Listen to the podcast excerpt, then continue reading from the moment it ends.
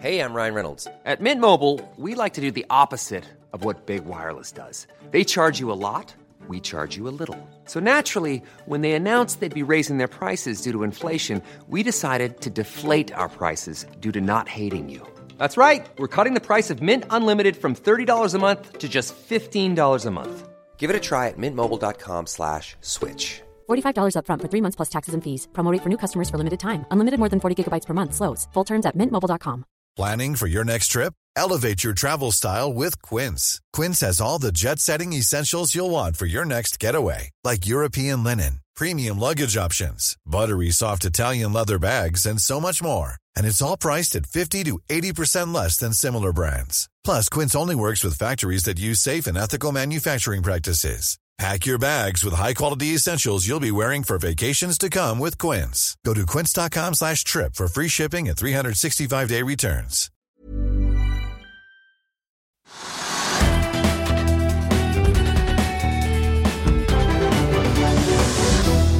Velkommen til Økonominyhetene. Det er blitt mandag 26. februar. Mitt navn er Stein Ove Haugen. Resultatsesongen fortsetter, men eh, denne uken har startet rolig med Dolphin Drilling nå i dag. I dag morges. I tillegg legger Petrolia frem eh, årstallene for 2023 senere i dag. Dolphin Drilling sliter fremdeles med å få betalt en i, fra en kunde i Nigeria, men velger likevel om en markant bedring av resultatet. Konsernsjef Bjørnar Iversen i Dolphin Drilling var gjest i Børsmorgen. Mer om tallene og intervjuet med Iversen finner dere på TV TV-sidene våre. Og alle kvartalstallene finner du fortløpende på finansavisen.no gjennom hele uken. I morgen skal 15 selskaper i ilden. På onsdag legger 23 selskaper frem kvartalstall. Torsdag er det 28 selskaper som skal i ilden, og det hele rundes av med fire på fredag. Hovedindeksen på Oslo Børs den er nå ja, helt flat, marginalt opp 0,03% til 1261,24. Eh, oljeprisen den eh, er eh, ned 0,4% til 80 dollar og 62 cent. På børsene i Europa så er det litt blanda. I London er det ned 0,2% i Frankfurt opp 0,1 I Paris er det ned 0,3% i Milano opp unnskyld, ned 0,1. Eh, I Madrid er det opp 0,1, og Sox 600 den er da ned 0,2% Futures på børsene i eh, New York, her ligger det an til at det åpner helt flatt. Marginalt ned for Dow Jones fra start, også marginalt ned for SMP 500. Her var det all time high på begge to for henholdsvis 14. og 13. gang hittil i år. Mens Nasdaq, som ligger an til å åpne marginalt opp 0,06% den snuste på all time high på fredag. Vi kan også ta med at tiårsrenten er eh, svakt ned til 4,24 vil du bli oppdatert på det viktigste som har skjedd innen finans og næringsliv? Da er det bare å følge med, for hver morgen er jeg, Marius Lorentzen og aksjekommentator Karl Johan Malnes på plass i studio for å ta tempen på dagens marked i Børsmorgen. Og hver ettermiddag oppsummerer vi alt du trenger å vite i økonominyhetene, og det blir selvfølgelig masse interessante gjester. Klikk deg inn på fa.no-tv, eller søk opp Børsmorgen og Økonominyhetene der du hører på podkast.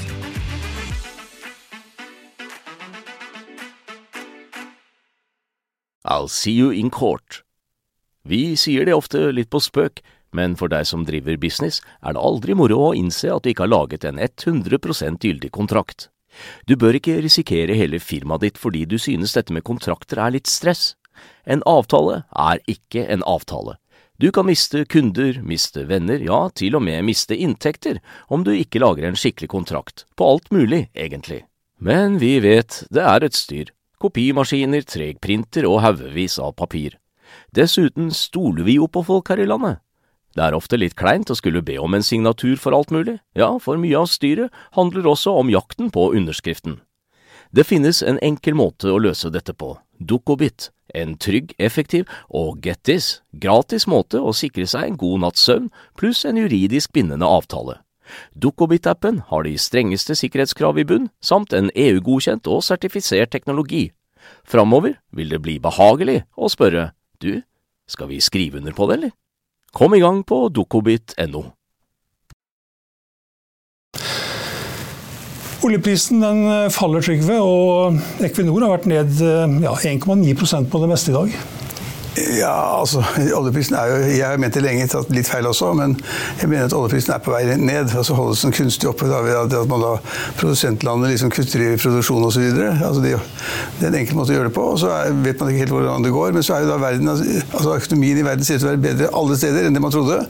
Og hvis verden går veldig bra, hvis Kina går veldig bra, så vil jo da på en måte behovet for olje øke og prisen gå opp. Så at ja, den ligger rundt 80 dollar på fat. Der ligger den. Men jeg tror ikke det er noen stor mulighet for at oljeprisen stiger veldig mye, men det gjør at eh, verdien av Equinor har sunket med et par hundre milliarder kroner på det lille prisfallet vi har hatt.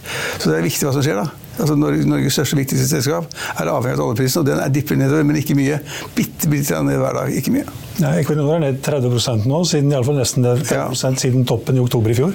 Ja, så det er rundt 80 dollar på fat istedenfor noe over 90. ikke sant? Så det er, det er, en stor forskjell. og Markedet har sagt at det der skjønner vi. Det kan bli dårligere tider for olje, og de som tjener penger på olje og gass. Og gassprisen det er ingen som snakker så veldig mye om, men det er jo altså den, den laveste siden evigheter. Så gassprisen bare faller og faller og faller. Mer enn oljeprisen. Så kan vi ta med at eh, krona den, eh, ja, den styrker seg bitte litt mot eh, dollar, svekker seg bitte litt mot euro. En euro koster 11 kroner 42 øre, og dollaren koster 10 kroner og 53 øre.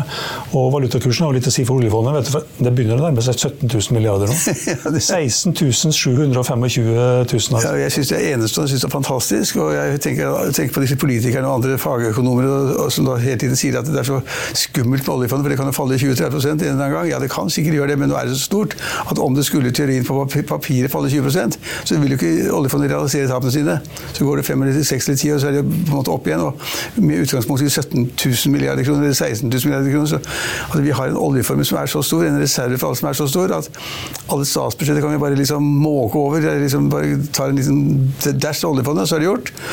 Så det blir sikkert en kjempediskusjon fremover. Liksom, hvor mye penger skal vi bruke? Skal vi bruke mer enn vi hadde planlagt? Skal vi bruke mer enn 3% som er realavkastningen? Eller skal, skal vi liksom da stramme inn fordi det blir for mye penger i økonomien osv. Det er kjempevanskelig, men vi er et så ufattelig rikt land. Så når man da begynner å snakke om liksom, man må øke avgifter eller skatter for å dekke noen få poster, da er det bare å le av det. altså. Pengene har vi. Det høres, det, høres kanskje, det høres, kanskje, litt mindre ut når vi setter 3 millioner kroner per eh, innbygger i Norge? Det er veldig mye, det. det er veldig god reserve. Nei, vi har jo reserver som ikke folk forstår hva er. Noe. Og da må vi tåle at markedene ute skulle falle litt. Men jeg så det at Nvidia, det, det amerikanske selskapet, der har jo oljefondet penger. Så vidt jeg forstår, så hadde de aksjer på over 200 milliarder i det ene selskapet. Da skjønner man hvor stort oljefondet egentlig er. da. Ja, Vi har vel litt i overkant av en prosent i det selskapet òg? Ja, de har liksom 1,5 i alle verdens selskaper, og de har 7000 selskaper. Så ja, altså, oljefondsformen er ufattelig stor. Det vil si at de kan løse alle budsjettproblemer. Alle ting. De kan kjøpe så mange sykehus vi vil, så mange skoler vi vil, og mange hva som helst. hva vi vil, Men vi må jo da tenke på liksom hvordan det presser økonomien. Om det liksom øker inflasjonen, gjør det vanskelig å gi lønnstillegg, eller hva det måtte være. Så det er man må tenke seg om, og man må være god, men vi har pengene. Vi har penger, de blir ikke borte selv om aksjemarkedet skulle falle 10 eh, Penger har også Jon Fredriksen, som er stor aksjonær i Norwegian. og Norwegian er opp til over 17 kroner i dag. Har steget nesten 60 hittil i år. Ja, og markedsverdien er vel rundt 17 milliarder kroner. Eh, og eh, han har begynt å selge, jeg vet ikke om han har solgt alt, men, men poenget er at han er veldig rik. Norges rikeste kapital kommer til at han hadde en formue på 205 milliarder kroner. Det er sikkert økt. Og at han skulle selge i Norwegian, det er litt overrasket. for Han, pleier å sitte ganske lenge og være flink, og, han, og han er veldig flink til å få ut penger av andre selskaper i form av utbytte og ved salg. Så at han casher inn milliarder i to nå i Norwegian, det syns jeg er ganske interessant. Altså, mannen er god. Og det, og det er også at price earning på Norwegian er kommet opp i sånn 16-17-18. Og det, en, det pleier å være liksom relativt dyre aksjer. så Man skal være forsiktig med flyselskaper da, generelt, fordi de alltid tapper penger etter hvert. Og, øh, og når det Norwegian spesielt, så har de på en måte en stor kasse, og de fikk, fikk bort mye gjeld. Og det at, at Fredriksen kom inn og sørget for finansieringen, det var veldig bra, men nå selger han. Ja. Ja, han har fremdeles 129 millioner aksjer til en verdi på rundt 2,2 milliarder. Ja da, men, men, han begynte å selge det. Sånn, han kjøpte på 6 kroner og 26 øre. Ja, så selger på 16-17 kroner. I emisjonen. Han er en bra mann. Han er bra. Men andre burde være forsiktige, da, hvis de har Norwegian-aksjer. Ja. Ehm, det er to år siden ehm, krigen eh, starta i Ukraina. Det er litt over to år siden nå. Ser vi noen ende på den krigen? Jeg er ikke, eh, ikke verken forsvarsekspert eller utenrikspolitisk ekspert, men jeg syns det ser veldig dårlig ut. Jeg syns at Russland er tøffe, de er store. De bare skyter sine raketter hver dag og ødelegger én eller to bygninger, eller fem bygninger hver eneste dag. Og så er det spørsmål hvor mange raketter klarer da Forsvaret å skyte ned. Eh, og det, de gjør det hele tiden, men ikke nok. Og, så, ja, så, og akkurat nå så ser det ut som, hvis man ser på de, de ekspert, hva ekspertene sier, da, så sier jo de at Russland på en måte er på fremmarsj. Ikke store byks, men hele tiden lite grann. Og, og Russland har tatt 20 av eh, landet. Altså at 20 er ganske mye mot øst, eh, eh, særlig på øst. øst og, og Så inkluderer det Krimhalvøya, da? Som ja, ja, men der, krigen pågått siden 2014. Ja, ti år siden. Det er ti år siden denne krigen holdt på å stille. Man liksom, vi har hatt disse eksplosjoner på den øya over dit osv. Det var liksom, og skip til og fra. Men, men, men, det ser ut som russerne har fått overtaket, fordi at eh, Ukraina har ikke nok penger. De har ikke nok materiell, de har ikke nok ammunisjon. De har ikke fly. Får ikke lov til å ha da beherske sitt eget fly flyrom. Det burde de få, etter min mening. Nato burde sagt at dette flyrommet her, det, det er bare til å reise for da, øh, øh, de som bor der. Uh, så, men jeg syns det ser dårlig ut. Jeg syns at alt du hører på en måte det er veldig negativt. Og hvis de da på en måte støtt, den økte støtten fra USA faller bort, og Trump blir president og de får ikke fem øre, så er landet ferdig. Og da mister vi det i Ukraina, og uh, kanskje da blir det angrep på Moldova, Georgia, Estland, Latvia, Litauen. Masse land som ligger utsatt til. Ikke Norge. Vi går ikke inn i Kirkenes, det er ingen som tror det. Og det går sikkert kanskje ikke inn i de andre landene heller, men, men akkurat i øyeblikket er jeg veldig pessimistisk. Jeg syns det er triste greier. At man kan erobre et annet land. Det er ikke i ut, utkanten av Europa, det er midt i Europa. Og på en måte ser ut til å ha overtak akkurat nå. og Forsvarerne de mangler materiell og de mangler ammunisjon. Og så dør det veldig mange i den krigen hele tiden. slik at Russland har så langt vunnet. Så langt. Norge har vel sagt at de skal bidra med 75 milliarder eller noe sånt nå. Kunne vi tatt 1000 milliarder fra oljefondet? Det kan vi teoretisk gjøre. Har du merka noe? Jeg vet ikke jeg merket det. Og hvis man hadde brukt det til å kjøpe fly eller krigsmateriell eller stridsvogner, artilleri, artilleri eller hva som helst, så ville det ikke gå utover norsk økonomi heller. Så man kan jo godt bruke masse penger som man eier. Oljefondet eier mye penger, så kunne man teoretisk tenke seg at man da kjøpte alt i utlandet. Som da kanskje ville medføre press i de landene hvor man da kjøpte materiellet. Det vet ikke jeg, og det ville ta tid før man fikk tak i det. Men det er, det er mulig teknisk sett og teoretisk økonomi, så er det mulig. Men det får man aldri til. Det får man aldri til hjem til kanskje litt mer Så det er, det er en trist greie. Det er en trist greie hvor da Russland ser ut til å faktisk tjene på det at de overfaller et annet land. Og de sa da to dager Putin og utenriksministeren sa da to dager før de angrep, den 24., for to år siden Vi har ikke tanker om å angripe noe land i Europa. Hva skulle det være for? liksom? Ukraina, Hva skal vi med Ukraina, liksom? To dager etter at de sa det, så bare rullet det inn. Omtrent som tyskerne inn i Polen. Faktisk. Ingen skjønte noen ting, men de ble tatt på det. Ja. Til litt mer trivielle problemstillinger, kanskje. Finansministeren vår, Trygve Slagsvold Vedum, han skjønner ikke så mye av formuesskatten. Det er kanskje fordi han aldri har betalt formuesskatt. altså... Men hva tror du hadde skjedd hvis gården hans plutselig hadde blitt justert opp til en reell verdi, ligningsmessig? Altså, utgangspunktet er det at Han sa det synes jeg er viktig å få frem, han sa det at liksom, skal, vi må beholde formuesskatten i Norge. fordi det er den eneste måten vi kan på en måte utjevne forskjeller på. Så Formuesskatten er viktig sånn sosialpolitisk. og Det er kanskje noe i det, men han sa det liksom at den skal jeg beholde, den skal ikke fjernes. Og Så begynte vi å sjekke liksom hans egen formue. Han har en gård, en praktgård på Stange i Hedmark. Like ved Hamar. Det er kjempegård og innmark og utmark. og Det er masse bygninger og bolig og uh, driftsbygninger og han eier et par eneboliger i tillegg, og han har hytte, hytte også. Og han har null i formue skattemessig null i formue. Det har han hatt i ti år, har ikke betalt fem år i formuesskatt. Fordi, ikke for at han er en luring eller fordi han er en kjeltring, ikke på noen måte, men fordi at alle landbrukseiendommer i Norge har en egen spesiell lav altså verdifastsettelse når man skal fylle ut selvangivelsen. Og for da, denne praktikeren som da han har, så er da formuen null. Fordi at denne, det, det er, og han får da null formuesskatt, og det er ganske irriterende for mange og se at liksom da andre sliter med formuesskatten, sliter med eiendomsskatten, som man i disse dager får masse papirer på fra ligningsmyndighetene eller kommunene. Og hvis da bønder, norske bønder, eller da sier han spesifikt, skulle få da en verdisetting på sin eiendom, som andre må ha, nemlig skal være såkalt markedsverdi Hans gård er kanskje verdt 20 eller 30 millioner kroner, minst. Minst, for det er noen boliger der også. Så ville jo ikke han ha råd til å betale den formuesskatten. Men da hadde han kanskje skjønt at det er Men- problematisk? Da hadde han skjønt det. Det er poenget. Så da på en måte, han, Hvis han skulle betalt det vi andre betaler, du betaler og jeg betaler, på hyttene og husene våre, eh, som er uttatt ut fra markedsverdi, så er det noen bunnfradrag osv. som alle vet om. Eh, Men hvis han skulle betalt det samme, eller andre store bønder med, med god økonomi Han, han tjener jo halvannen million som, som statsråd, så det er en liksom sikker inntekt. Men han ville ikke hatt råd til å sitte med det. Og det, da ville han kanskje skjønt det. Så da bør han ikke være så arrogant og si det, at formuesskatten skal bli, den skal ikke fjernes, den skal jeg sørge for blir der. Men da bør han tenke på, tenke på at han da ikke betaler fem øre selv. Det er litt pinlig. Jeg syns det er pinlig i hvert fall. Ja, det er, det er mange som sitter med den den problemstillingen. Det er, kan være gründere som har starta en bedrift, og så plutselig så er den verdt en milliard. Ja. Og så har de ikke penger til å betale formuesskatten. Nei, og Det var to unge karer i sånn 20-30-årene som flyttet for en stund siden til Sveits. for de hadde, Jeg kan ikke selskapet så godt, men de hadde noe som var verdsatt plutselig til en milliard, som du sier. Og de hadde ikke numsjøk, de hadde ikke fem mennesker å betale formuesskatt for det, og så måtte de flytte. Og Det vil vi se masse av, at folk ikke har råd til å drive virksomheten i Norge, og de har ikke råd til å utvikle virksomheten. Og Hvis det er en kjempegod idé, så vil de ikke utvikle den i Norge, fordi det blir for dyrt å betale formuesskatten. Og folk har ikke skjønt det. Det er kombinasjonen av formuesskatt og utbytteskatt som er helt forferdelig. Og det er en dobling av den såkalte eierskatten i løpet av to år, og det kan vi ikke ha. Og så kan vi da ikke ha, for bare liksom si det en gang til, vi kan ikke ha det at vi har særregler for bønder som gjør at de da ikke betaler formuesskatt. Ingen av dem. Ingen av dem betaler formuesskatt, eller kanskje én eller to av 37 000. Eh, Og så går de rundt og babler om at alle skal og bør betale formuesskatt. Ja, vi andre skal betale, men de skal ikke betale. Det er kanskje for mye forlangt at uh, Slagsvold Vedum skal skjønne det, men Jonas Gahr Støre, statsminister, han burde skjønne det. Ja, Han skjønner det, for han var i en situasjon hvor han på en måte ikke hadde noe særlig penger, og så arvet han masse penger. og Så slet han med at han måtte betale litt formuesskatt på det. Og så var han lur nok til å dele ut denne arven før det var arveavgift, til barna sine. Han har et par sønner. Så nå har de fordelt det mellom han og barna sine, og da er det fremdeles ganske mye formuesskatt på det. Og han skjønner det, men han snakker derfor heller ikke så mye om det. Og han skjønner også hva arveavgift er, for han fikk jo da, måtte jobbe med dette før, så han fikk overført pengene til barna sine.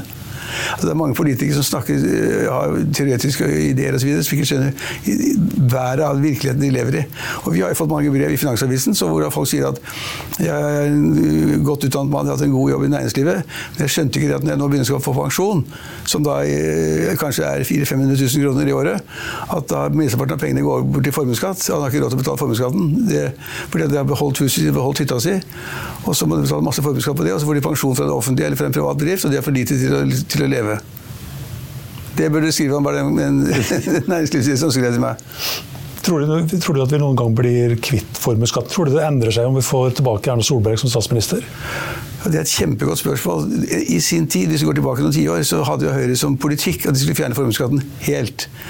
Eh, Så fikk de ikke gjort det. De sa at når vi nå skal innføre utbytteskatt, var en Høyre finansminister, så skal vi fjerne formuesskatten. De klarte det ikke. Det var elendig håndverk, og det var dårlig.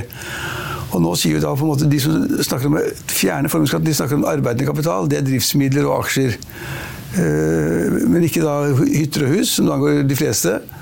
Og jeg mener jo at Høyre burde sagt at nå må vi fjerne formuesskatten helt, men det har de ikke villet gjøre ennå. fordi at Noen sier da det at det er liksom usosialt, og da vil da mange slippe unna skatt i det hele tatt osv. Men jeg går inn i valgkampen i 2025 med det budskapet at ja, ok, fjern formuesskatten på arbeidende kapital, men ikke på hytter og hus. Det er på en måte da favorisere de rike, gjerne meg og andre.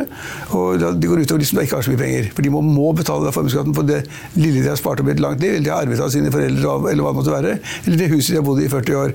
Der slår formuesskatten fullt inn for fullt. Øh, Mens da får Stein Erik Hagen, om han betaler formuesskatt på den kjempeformuen sin, det er ingen som bryr seg om. Og han slipper unna da. Det er Litt ulogisk. Det er kjempeulogisk. Han, slipper, han må da selvfølgelig betale på sine hus og hytter, han også. Men han slipper da på sin formue på 20, 20 milliarder kroner. Sånn burde det ikke være. Da. Hvis han skal slippe unna, så skal også da de som er lærere og pensjonister som har arvet, slippe unna. Det er mitt syn. Ehm, vet du hvem som vinner den på Oslo Børs i dag, forresten? Ja, det selskapet jeg ikke kjenner, det er Ensu eller noe sånt nå. En- Ensu, ja, det er, det er, Det er opp- opp- det er opp- Search Micropower, ja. Opp 20% ja. Og det er et lite selskap, som jeg vet jeg. Og det jeg har sett i dag på lister i Finansavisen, det er at eh, det er mange sånne kjente investorer som Arne Blystad og Håkon Sæther og sånn. En hel haug av de kjente investorer som vandrer rundt i systemet, som har kjøpt aksjer der. Og det vil si at noen har snakket den aksjen veldig opp og forklart hva det er, for jeg vet ikke hva det er. Det, ja, det, det ligger i navnet, da, Ensers Micropower. Ja. Så de lager miniatyrbatterier som skal brukes i ja, sånne bærbare små Internet of Things-greier. Men tjener de masse penger da? Nei, de tjener ikke noe penger. Aksjen er ned 99,95% fra toppen. 20% opp i dag, så hvorfor er det da alle de kjente investorene er i Ja, det, er vel, det er vel noen som har oppdaga den. da. Men det som kanskje ikke alle vet, er at uh, en av disse her eh, største aksjonærene heter Robert Keat. Ja, og han kjenner vi i Norge. Ja, han er i hvert fall noen husker han fra Optikom-tiden.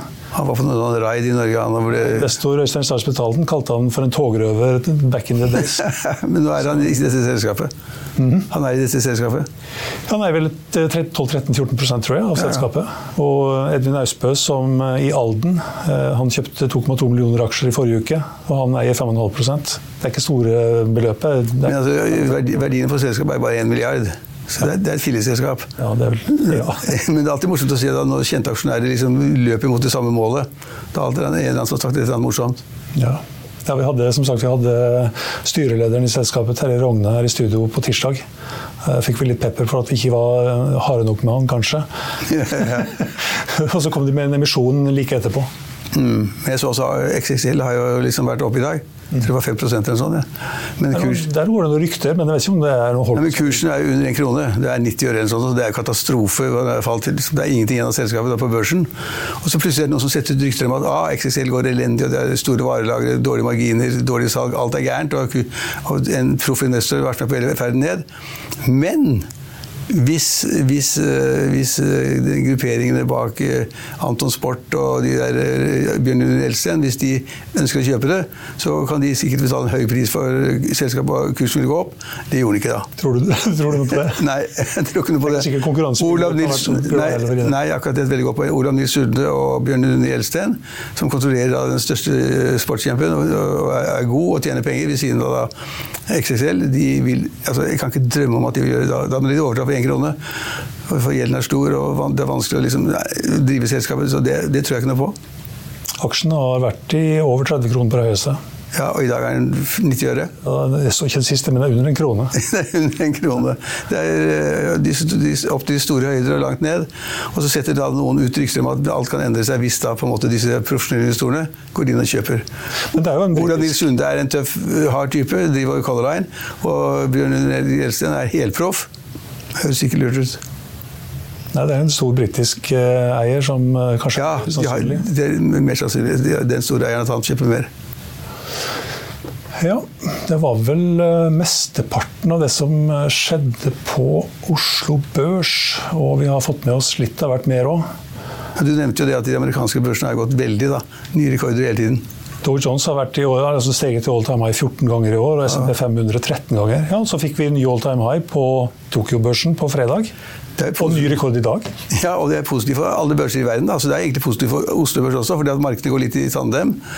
Eh, Så, men på en måte hva som skjer med eh, XXL i Norge, har ikke noe særlig med Japan å gjøre. Heller ikke med Dow Jones å gjøre. At, men, men det er jo et positivt signal at de største børsene i verden går opp. og At det liksom er driv i markedene. Og at liksom redselen for høye renter er litt borte. Og at sentralbankene kanskje ikke skal øke renten, men kanskje senke renten osv. Det, er- det er en mer positiv holdning for tiden. da. Og det tror jeg skyldes en del av rentebildet er blitt bedre.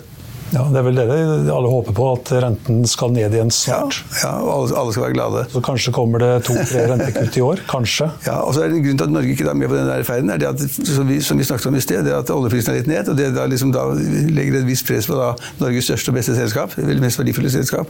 Så vi er ikke med på ferden av den grunn. Hadde oljeprisen steget for tiden, så hadde vi vært med på ferden, vi også.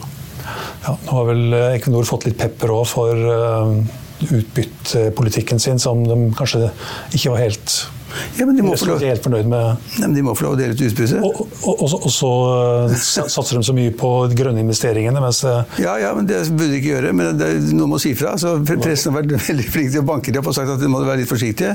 Så man, pressen, Vi også har avvart markedet om at hvis de satser, for mye på såkalte fornybare investeringer, så blir inntjeningen for lav, marginen for dårlig, og de burde gå tilbake til olje og gass igjen. Det er det mange sier, og det er riktig. og Derfor har verdien falt vanvittig mye over er- Du korrigerte meg, men jeg tror, jeg tror verdifallet er over 200 milliarder kroner.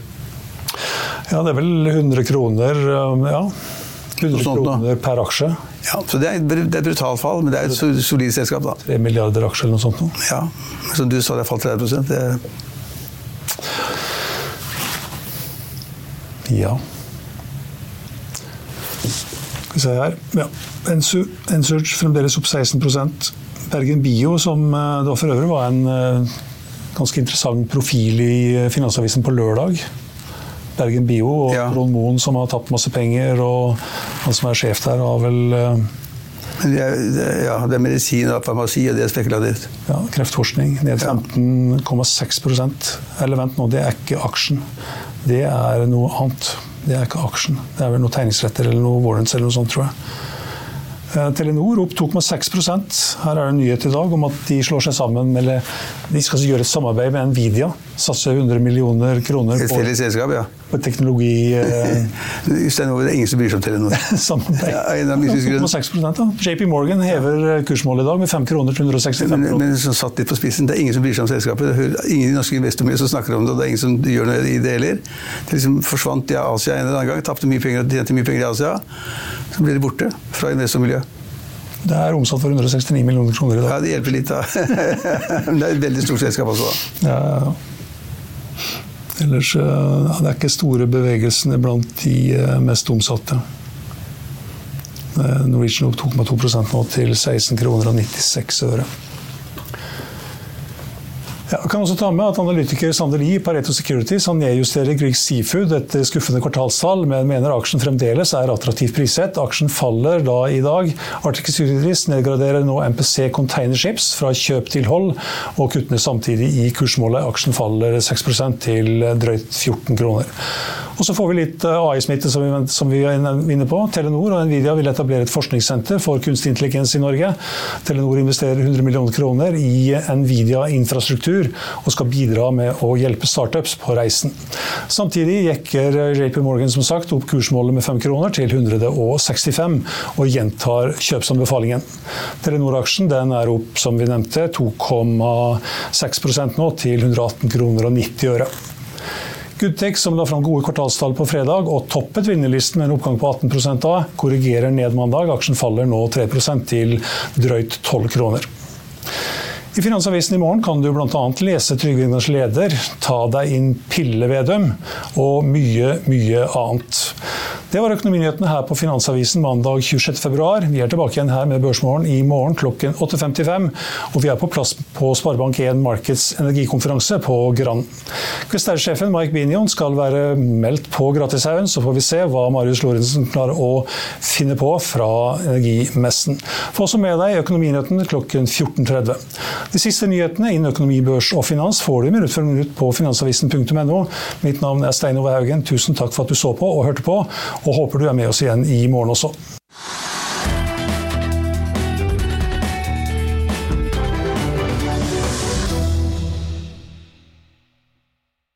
Økonominyhetene er en podkast fra Finansavisen. Programledere er Marius Lorentzen, Stein Ove Haugen og Benedikte Storm Bamvik. Produsenter er Lars Brenden Skram og Bashar Johar. Og ansvarlig redaktør er Trygve Hegnar.